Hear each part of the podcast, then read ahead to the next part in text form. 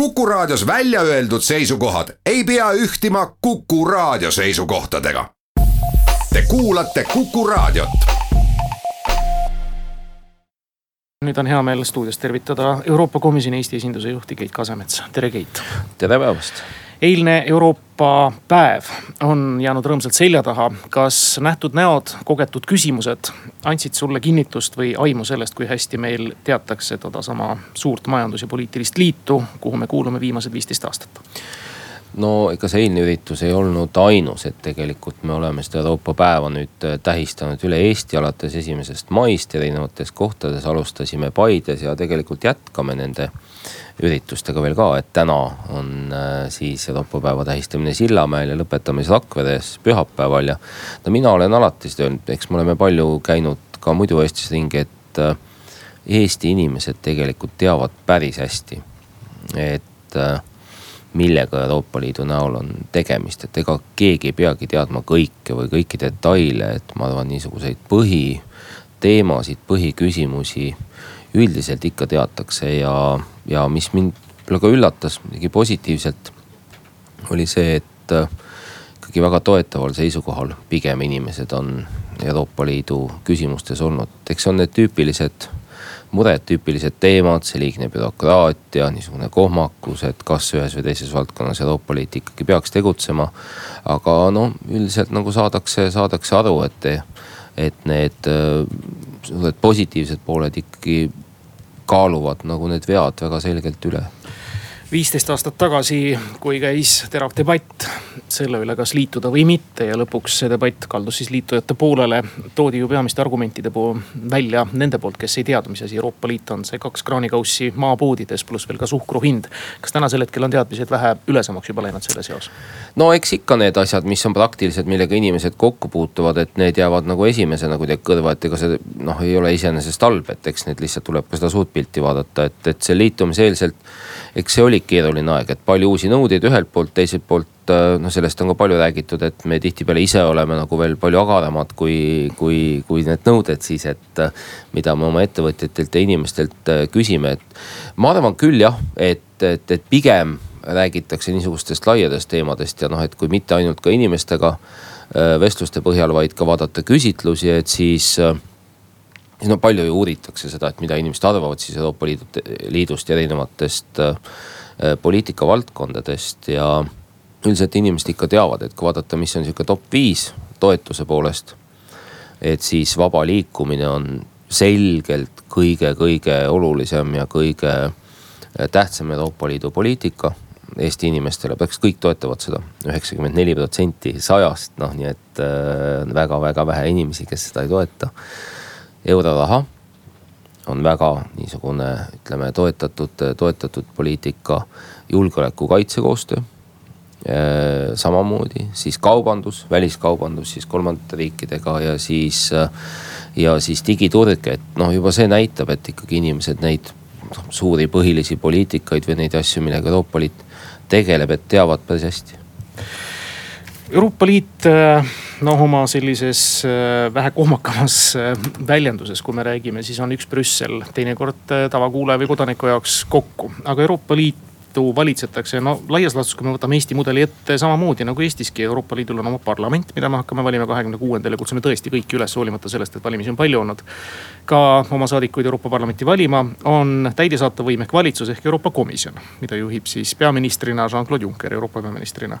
kui me nüüd katsume ära seletada, mis asi on äh, Donald Tuski poolt juhitav äh, Euroopa Liidu ülemkogu, ehk siis see, mis kätkeb endas liikmesriikide ministreid ja eeskätt siis valitsusjuhte, peaministreid mm. -hmm et no esiteks ma arvan, et ja see üldistus on üldiselt jah, päris õige, et äh, vast selle vahega, et Euroopa parlament ei ole võib-olla päris nii mõjukas, kui seda on äh, riikide parlamendid. ta on küll mõju juurde saanud. ta on mõju juurde saanud sellesama viimase siis äh, aluslepingu muutmisega või selle Lissaboni lepinguga ja.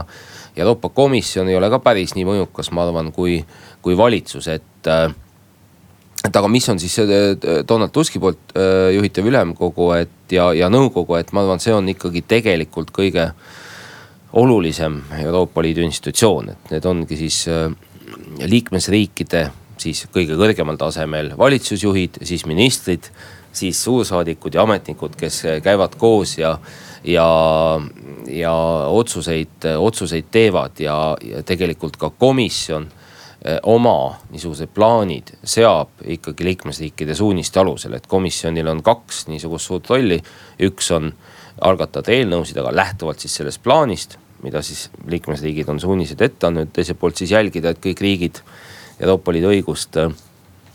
täidaksid, aga selle suuna ikkagi annavad liikmesriigid, et sama eile toimunud Sibius, Rumeenias toimunud eh, valitsusjuhtide kohtumine, et mis seal põhiteema oli, oligi ju järgmise viie aasta niisuguse strateegilise kava arutamine, et, äh, et liikmesriigid omalt poolt panevad strateegilise kava paika. siis Euroopa Parlament teiselt poolt valimistulemustest lähtuvalt annab oma sisendi ja selle põhjal siis tegelikult tekib see plaan või kava, et millega siis, millega siis komisjon hakkab tegelema, nii et noh, see tähendab ka seda, et ega Euroopa Liidus ühtegi otsust ilma Eesti osaluseta ka Eesti nõusolekuta ikkagi ei tehta, et et äh, igal pool just seal Euroopa Liidu nõukogus on Eesti alati nende arutelude juures ja osaleb otsustamises, saab väga palju kaasa rääkida ka selles, et mida siis täpselt otsustatakse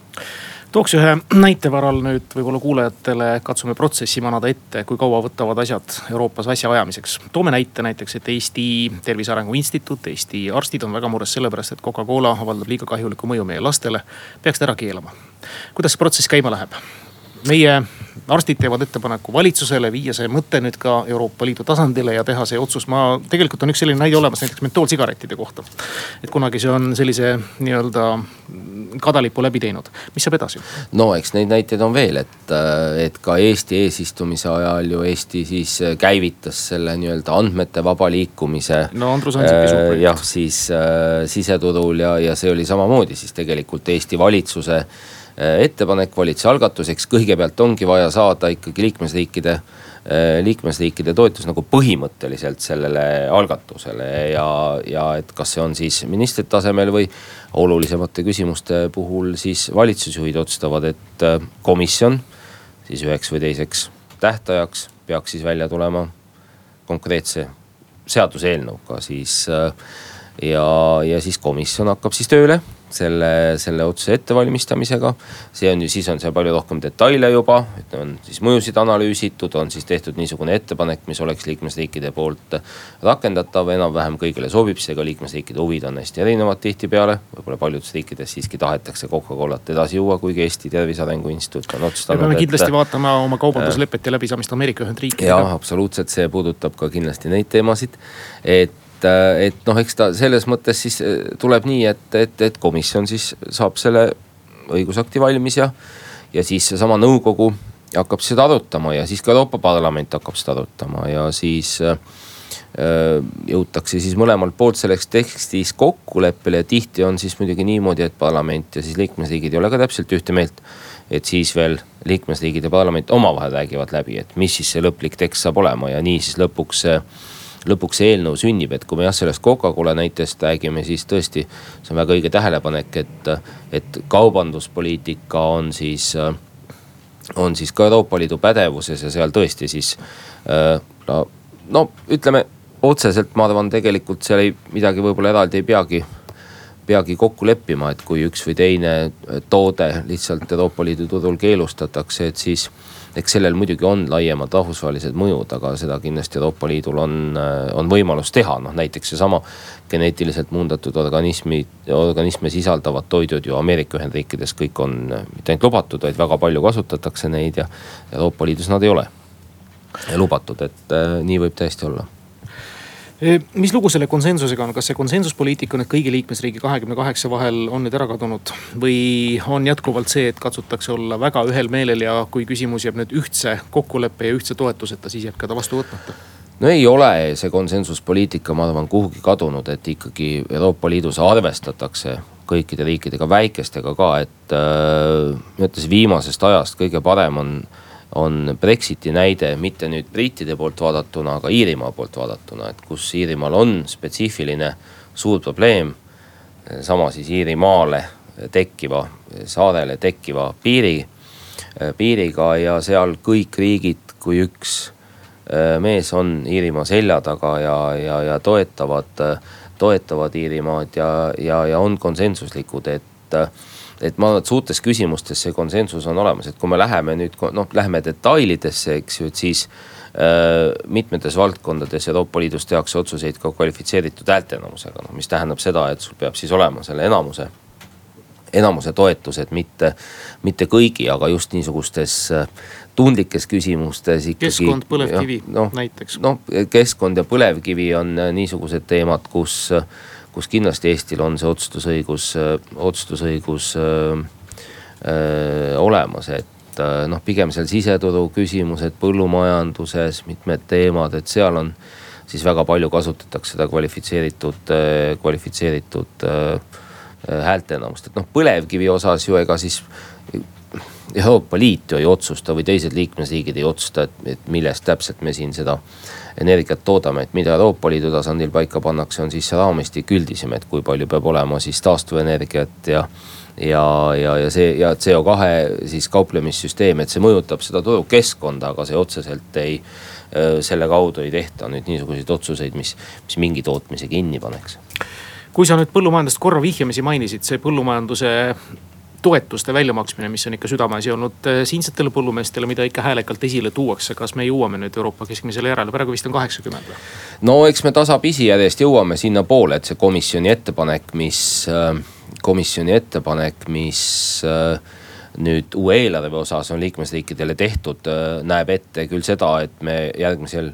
algaval eelarveperioodil veel ei jõua täpselt samal tasemel, aga liigume siis sinnapoole, et teistel tegelikult vähenevad ja siis on mõned üksikud riigid, sealhulgas Eesti, kellel need otsetoetused tõusevad ja siis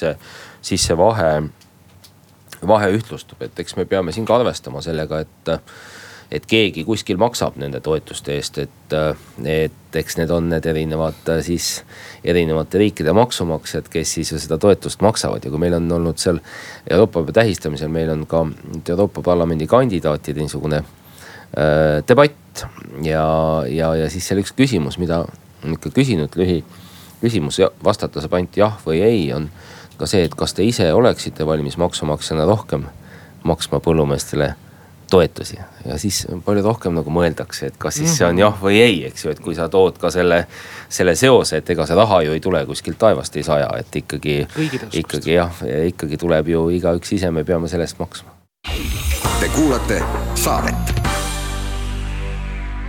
saate tööriistad toob stuudiosse tööriistamaailm.ee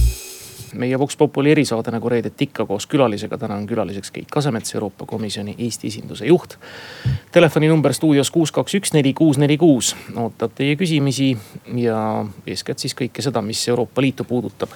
kui teil on midagi selles osas arusaamatut, on Euroopa Liidu toetused, erinevad nõudmised. muide, mis asi on direktiiv, on ta pigem nõudmine või soovitus? direktiiv on, on siiski pigem nõudmine, aga ta ei nõua siis detailselt, vaid, vaid nõuab siis mingi konkreetse asja ärategemist, et kuidas seda täpselt tehakse, et see jääb siis riigi enda otsustada kuus, kaks, üks, neli, kuus, neli, kuus. Telefon on praegu vaiki ja loodetavasti siis ikkagi ilmub Euroopa huvilisi või Euroopa Liidu huvilisi küsijaid selle seos. no räägime ennem rääkimata jäänud jutud ja Euroopa Liidu tuleviku olukorras, kus mõned Kesk-Euroopa riigid ja siin räägitakse Visegradi grupist suures eos. on otsustanud valida enestele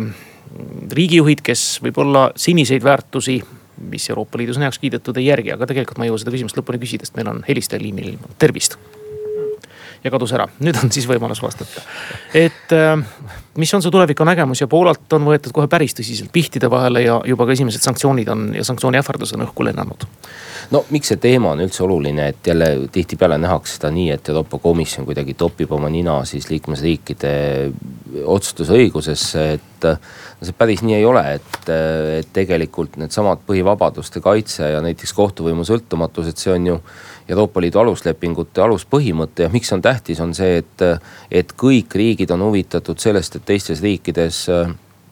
et õigusriikluse põhimõtteid järgitakse, et, et muidu ei ole investeeringud kaitstud Euroopa kohtusüsteem ju toimib ka nii, et vastastikku kohtuotsuseid tunnustatakse, et näiteks perekonnaasjades, mitmetes teistes küsimustes, et kui on kahtlus selles, et kas kohtud üldse sõltumatult tegutsevad, et siis, siis on, siis on keeruline ka, ka no ütleme, teist riiki usaldada, et aga nüüd, kui vaadata seda olukorda, noh, ma ütleks nii, et et ega ikkagi ka selles küsimuses toimub dialoog ja, ja seal on sama loogika, et Euroopa Komisjon saab teha ettepaneku ja lõpuks liikmesriigid peavad otsustama, kui, kui reaalselt äh, mingisuguseid sanktsioone soovitakse või tahetakse äh, tahetakse rakendada ja tegelikult seal ütleme alati nagu see on, et neid pingeid lastakse nagu suuremana välja paista meedias ja sisepoliitilistest argumentidest lähtuvalt tihtipeale, kui need, kui need päriselt, päriselt on, et. Et tegelikult toimub päris sisuline arutelu ja, ja nii Poola kui ka Ungariga ju mitmeid niisuguseid oma esialgu kavandatud samme on siis kas mitte ellu viinud või ka tegelikult korrigeerinud tehtud juba tehtud asju, et ikkagi öö, olla teiste riikide silmis või ikkagi usaldusväärsed ja, ja kui me vaatame ka sedasama Brexiti kogemust, et kui, kui Brexit toimus, hästi palju räägiti sellest, et no nüüd Euroopa Liit laguneb. Et tekib veel palju riike ja mõeldigi ka neid mitmeid Ida-Euroopa riike, kes ka tegelikult tahavad Euroopa Liidust välja. no on olnud pigem vastupidi, et tegelikult ka nende nii-öelda Euroopa Liidu vastaste jõudude retoorika on ka muutunud selles mõttes, et täna keegi ei räägi sellest, et tahetakse Euroopa Liidust lahkuda, et räägitakse sellest, et. kuidas Euroopa Liidu sees asju teistmoodi teha ja ollakse skeptilised mitmete poliitikate suhtes, aga, aga lahkumisest ei räägita, et. Nii, meil on vahepeal helistaja tulnud, tervist. tervist äh, nagu ma aru saan, siis räägime Euroopast ja euroopalikest väärtustest või kuidas see täpne seal. ka nendest asjadest jah. vot nende väärtustega on üks kummaline asi. Neid nagu teatud ringkonnad peavad iseendast mõistetavaks ja iseendast mõistetavaks liberaalsete väärtustena. Kõik muud selle nime all nimetatavad on mingisugused väga niisugused halvad asjad, millest nagu peaaegu rääkidagi ei tohiks kahjuks siin on nüüd tekkinud üks niisugune kummaline asi, et ega need rääkijad ise ka nendest liberaalsetest euroopalikest väärtustest lõpuni ise aru ei saa. aga püüdes sellega hämada, tahavad nagu rahvastele nagu mingi mütsi pähe tõmmata. et võtke ja niisugused nad on, sest äh, vaadake, väärtused, need on kultuuriga seotud väga tihedalt, kultuuri osa. ja me ei saa ju täna öelda, et minu pärast Rootsi kultuur Rootsi. no vabandust, härra, kas teil küsimus ka on või tahtsite lihtsalt kommenteerida? aa, ma tahtsingi küsida, et miks me peame kõik üheselt aru saama nendest euroopalikest väärtusest, mis tegelikult ei ole üheselt mõistetavad, vähemalt mitte kõigile, nad on head no siin saabki vaadata, ma arvan seda eh, kahes mõõtmes, et üks on niisugune kultuuriline pool ja siin kindlasti riikide vahel on ju väga palju erinevusi ja. ja kindlasti ei peagi nendest äh, nendest ühtemoodi, ühtemoodi aru saama, et kui me vaatame neid samu niisuguseid noh, ühiskonnades palju arutada, arutatud ja ja lõhestavaid teemasid, et siis ju riigid on siin ju väga erinevad, et võtame kasvõi seesama samasooliste abielu või kooselu, et. et osades riikides on see seadustatud, osades riikides ei ole see seadustatud ja samamoodi on mitmete, mitmete teiste, teiste küsimustega, et mis nüüd on Äh, sellised teemad, kus äh, ühtemoodi arusaam ikkagi peaks, peaks olema. on asjad, mis on kokku lepitud Euroopa Liidu aluslepingutes, mis on siis, mis ei ole tegelikult tõlgendamise küsimus, vaid kõik liikmesriigid Euroopa Liiduga liitudes ongi need aluslepingud heaks kiitnud, sealhulgas Eesti ja ka teised riigid ja sellega koos ka need, need peamised väärtused ja, väärtused ja põhimõtted ja need on koos tegutsemiseks hästi tähtsad, et seesama õigusriiklus ja kohtusüsteemi sõltumatus on üks teema, inimõiguste kaitse ja, ja vabadus on teine teema, meediavabadus ja kaitse on, on kolmas teema, et mis ongi iseloomulikud demokraatlikele ühiskondadele ja. ja need on ju tegelikult päris ühemõtteliselt kirjas ka Eesti põhiseaduses ja eks, eks nendest ja seal ma ei näe küll mingit vastuolu, et, et, et eks nendest tulebki, tulebki lähtuda, et siis on palju niisuguseid kultuurilisi teemasid, kus tõesti arvamused võivadki olla erinevad. meil on järgmine helistaja liinil, tervist. tere päevast kõigile äh,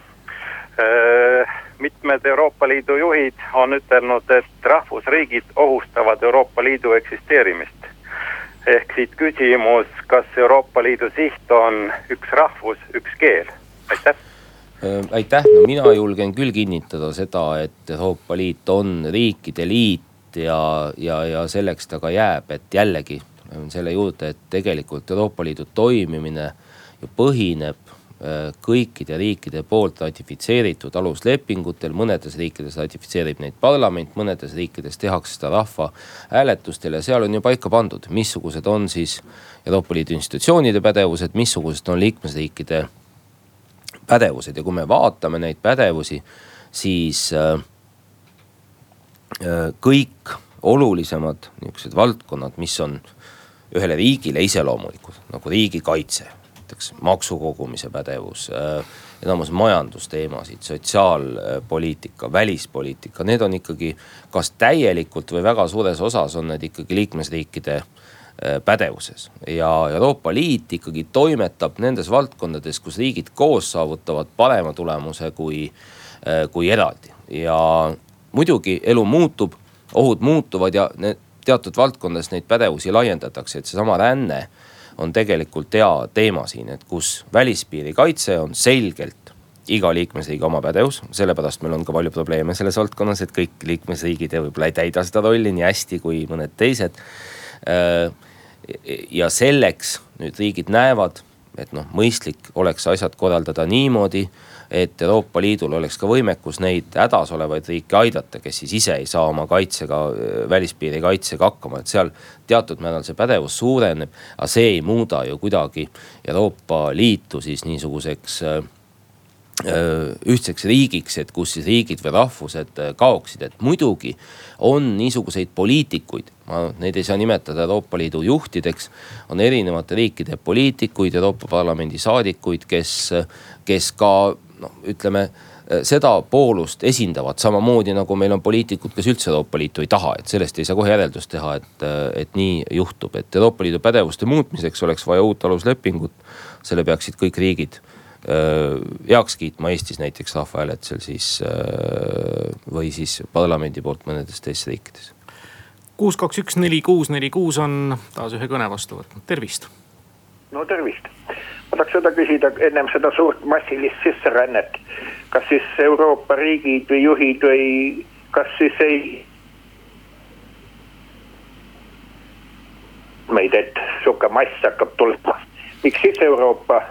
Liit ei reageerinud ja võtnud nagu öeldakse ühiselt selle piiri kaitsmist ette. nüüd on nagu hilja ja nüüd nagu öeldakse, sügatakse kokald ja mis nendega nüüd teha väga õige küsimus, et see on kindlasti üks niisuguseid valdkondi, kus Euroopa riigid ühiselt äh, liiga hilja reageerisid sellele kriisile, aga see on tihtipeale Euroopas nii, et kui ikkagi ei ole seda väga suurt probleemi ja väga suurt kriisi, et ega siis keegi ei taha riikides pädevust ära anda, et, et samamoodi on näiteks oli majanduskriisiga, et, et kõik nägid, et, et Äh, Euroopa Liidu pädevus peaks suurenema. et saaks riike aidata, aga enne kui seda suurt kriisi ei olnud, neid otsuseid ei tehtud, et, et rände puhul, eks seda teemat arutati kogu aeg ja tõstatati ja. ja lihtsalt riikidel endil, see nüüd ei ole jälle, mina ei ütleks, et, et siin Euroopa Komisjon näiteks jättis midagi tegemata, riikidel endil ei olnud seda soovi ja valmisolekut tegelikult selle, selle teemaga rohkem tegeleda, sest nähtigi, et see on iga riigi oma vastutus ja, ja seal juhtus niisugune, kui rääkida detailidest, juhtus niisugune asi, et ega see rändesurve Euroopa Liidule tegelikult on olnud kogu aeg, aga varem ta oli pigem Hispaania piiridel ja Hispaania oli administratiivselt palju võimekam ja kogu aeg räägiti sellest, et Itaalias, Kreekas, Maltal, neil ei ole nii suurt seda võimekust ja kui see nii-öelda siis see surve et inimesed hakkasidki rohkem minema nendesse riikidesse, et siis ka see probleem süvenes, et muidugi noh, reaalselt selle suure probleemi tekitas Süüria sõda, millega ei suudetud hakkama saada, et täna on olukord niisugune, et, et äh, ränne on kontrolli all selles mõttes, et need numbrid on kriisieelsel tasemel, et nüüd muidugi küsimus on selles, et mida teha juba sisserännanutega ja kuidas ennetada neid uusi suuri, uusi suuri laineid, et ma arvan, et siin see võimekus täna on palju, palju suurem Kuku raadio Vox Populi pikema saatuse külaline. On Keit Kasemets, Euroopa Komisjoni Eesti esinduse juht ja telefonile kuus, kaks, üks, neli, kuus, neli, kuus on oodatud head küsijad, kuulajad, tervist. mina olen siin. väga tore. Tere päevast, mina tahaks rääkida just maaelust, sellepärast et te siin räägite siin, et noh, põllumeestel või põllumeestel tehakse liiga, Brüsselis saavad väga vähe raha, aga kes on põllumehed, põllumehed on maal praegu need endised kolhooside, sovhooside funktsionärid neli-viis tükki, noh, esimehed direktorid, sovhoosi direktorid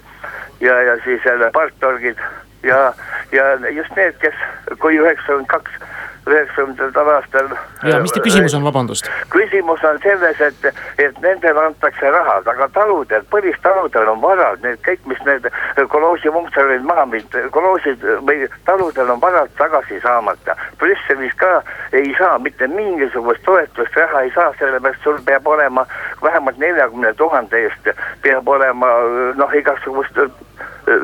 saama noh ütleme saaki. Aga millega sa teed, kui oma põlve harid, kui, kui on tagasi saa, saamata põlvede, põlvede harimiseks te, tehnika või siis kompenseerimata, et, et te peaksite hakake vaatama natuke ümber, et kuhu inimesed maalt on kadunud, on suured aitäh teile, siin ja, inimese mure on siiras tegelikult. No teema on ju väga oluline, et see on, see on kahtlemata ka asi, mida tegelikult Euroopa Liidu tasemel on väga palju arutatud, et ega siis ühine põllumajanduspoliitika toetabki ju suuremaid tootjaid, et kuna otsetoetus on, on ju tootmismahupõhine, et siis mida rohkem toodad, mis mõttes seda rohkem seda toetust saad, et loetakse üle lehmad-lambad, eks ju, siis hektarid ja, ja, ja, ja, ja vaikselt liigutaksegi selles suunas, et ka nimetatakse põllumajandus ka seda on ka teine sammas, mis on see maaelu arengu sammas, et kus siis tuleb, kus siis tuleb rohkem toetada, et, et siin on, ma arvan, kaks asja, et, et üks on see, et kindlasti Euroopa Liidu eelarvest põhimõtteliselt oleks võimalik ka seda väiksemat osa, väiksemate tootjate toetamise osa suurendada ja see on paljuski tegelikult valitsuste otsus ka, et kuidas nad täpselt, missugustel tingimustel seda raha jagavad. ja teine, mida ma soovitaksin ja olen alati soovitanud, et tuleks vaadata ka teiste Euroopa Liidu toetusinstrumentide otsa, et ega siis põllumajandus on täpselt samasugune majandus kui igasugune muu majandus, et. et Euroopa Liit ju annab väga palju, toetab väikeettevõtjaid, nii väikelaene, toetusi, starditoetust kui ka kui ka siis äh, konkreetsete projektide elluviimiseks, et tasub ka selles suunas vaadata, et seal ei, ei ole need käibed tähtsad. me kuulame järgmist helistajat ja küsijat, tervist.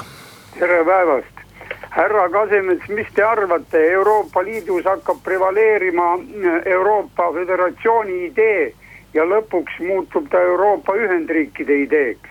äh, küll Putin saab ka aru, et see läänelik struktuur on etem kui see venemaaline struktuur oligarhidega ja, ja kui Venemaaga jõutakse kokkuleppele, et ka tema võetakse Euroopa Liitu, siis moodustuvadki Euroopa Ühendriigid Lissabonist kuni Vladivostokini. ja, ja äh, Euroopa Liit saab enda käsutusse Venemaa loodusressursid. no vot, mina arvan, et mina küll seda päeva ei näe, kui, äh, kui Venemaa võiks olla Euroopa Liidu äh, liige, et et äh, meil on üks suur riik, kes tükk-tükk aega on Euroopa Liitu soovinud liituda, Türgi ja neil ka see ei õnnestu, sest Euroopa Liiduga liitumise ongi nüüd see lugu, et siin üks varasem küsimus oli, et tuleb lähtuda ikka ühistest väärtustest, mis on needsamad õigusriiklus ja vabadused ja, ja, ja neid ei ole lihtsalt Venemaal, et kui kui Venemaa muutuks täiesti teistsuguseks riigiks, et siis, siis me saaksime sellest rääkida, et ma ei näe küll ühtegi praegu seda suunda, et, et see üldse tuleks, tuleks äh, arutelu alla, et kui me üldse räägime uutest Euroopa Liidu riikidest, me peame vaatama ikkagi Lääne-Balkanile ja vaatama niisuguseid väikseid riike seal. nagu Põhja-Makedoonia nüüd uue nimetusega ja Montenegro ja nemad võiksid olla potentsiaalsed uued äh, liikmed mis ei tähenda seda, et teiste riikidega ei tuleks koostööd teha ja, ja, ja, ja seda kindlasti Euroopa Liit teeb, sealhulgas Venemaaga ka. ja on meil vist järgmine helistaja liinil, tervist tervist, noh kõigepealt tahaks öelda sellele üle-eelmisele talude üle unistajatele ja punaparunite sõimajatele, et, et see kõik oli juba olnud ja niimoodi on praegu asi otsustatud. jah, tõesti hektari, iga hektari eest, Kasemet ütles väga õieti, iga hektari eest makstakse, mida rohkem hektareid on, seda rohkem sa saad. ja muuseas muudel toetustel, härra Kasemet, et te teaksite, on juba piir ees. nii et, aga minu küsimus on see, et ikkagi, et see on ilus jutt, et vaata, et need toetused ühtlustada siis riikide vahel ja, ja, ja noh, nii palju on ju mindud Euroopasse suure hurraaga, et oi, et nüüd me lähme, teeme võrdsust. ja, ja, ja püüame siis äh, nagu need altpoolt ülespoole tuua. kuidas see mehhanism reaalselt võiks välja näha, ma, mina tahaks kohe seda asja näha ausalt öeldes no nad ju järjest ütlustuvad, et ma saan aru, et siin vist hääle järgi oli tunda, et on tegemist ka niisuguse valdkonna äh, asjatundja, endise ministriga isegi, et äh, et need toetused on tegelikult kogu aeg ühtlustunud, et see mehhanism on see, et, et praegu ühist põllumajanduspoliitikat üldiselt tõmmatakse koomale eelarvet ja väga paljudel need toetused vähenevad, enamusel riikidel komisjoni ettepaneku kohaselt. Ja siis riigid, kes on maha jäänud selles, siis nendele antakse seda toetust juurde, et eks see ongi see ainuke niisugune võimalus, kuidas nad, kuidas nad ühtlustuda saavad. Ja, ja pigem ka liigutakse ikkagi selles suunas, et et ka üldse kvoote vähendada, et, et minna ikkagi liberaalsemale turukorraldusele ja ja, ja see ka kindlasti nagu toetuste osakaalu vähendab, sest need toetused tihtipeale ongi ju selleks, et, et seda tootmise nii-öelda mitte kogu võimsuse kasutamist nagu kompenseerida, et seda enam tulevikus ei ole vaja teha me ei jõua vist enam kahjuks kuulajate kõnesid vastu võtta, aga selle tahaks kindlasti ära küsida, Keit, mitut Euroopa Parlamendi saadikut me nüüd kahekümne kuuendal mail tegelikult valime? meie ikka valime seitset nüüd, sellepärast et äh, täna on ikkagi Euroopa Liit seisus, kus äh, britid on Euroopa Liidust lahkumas. Nad ei lahku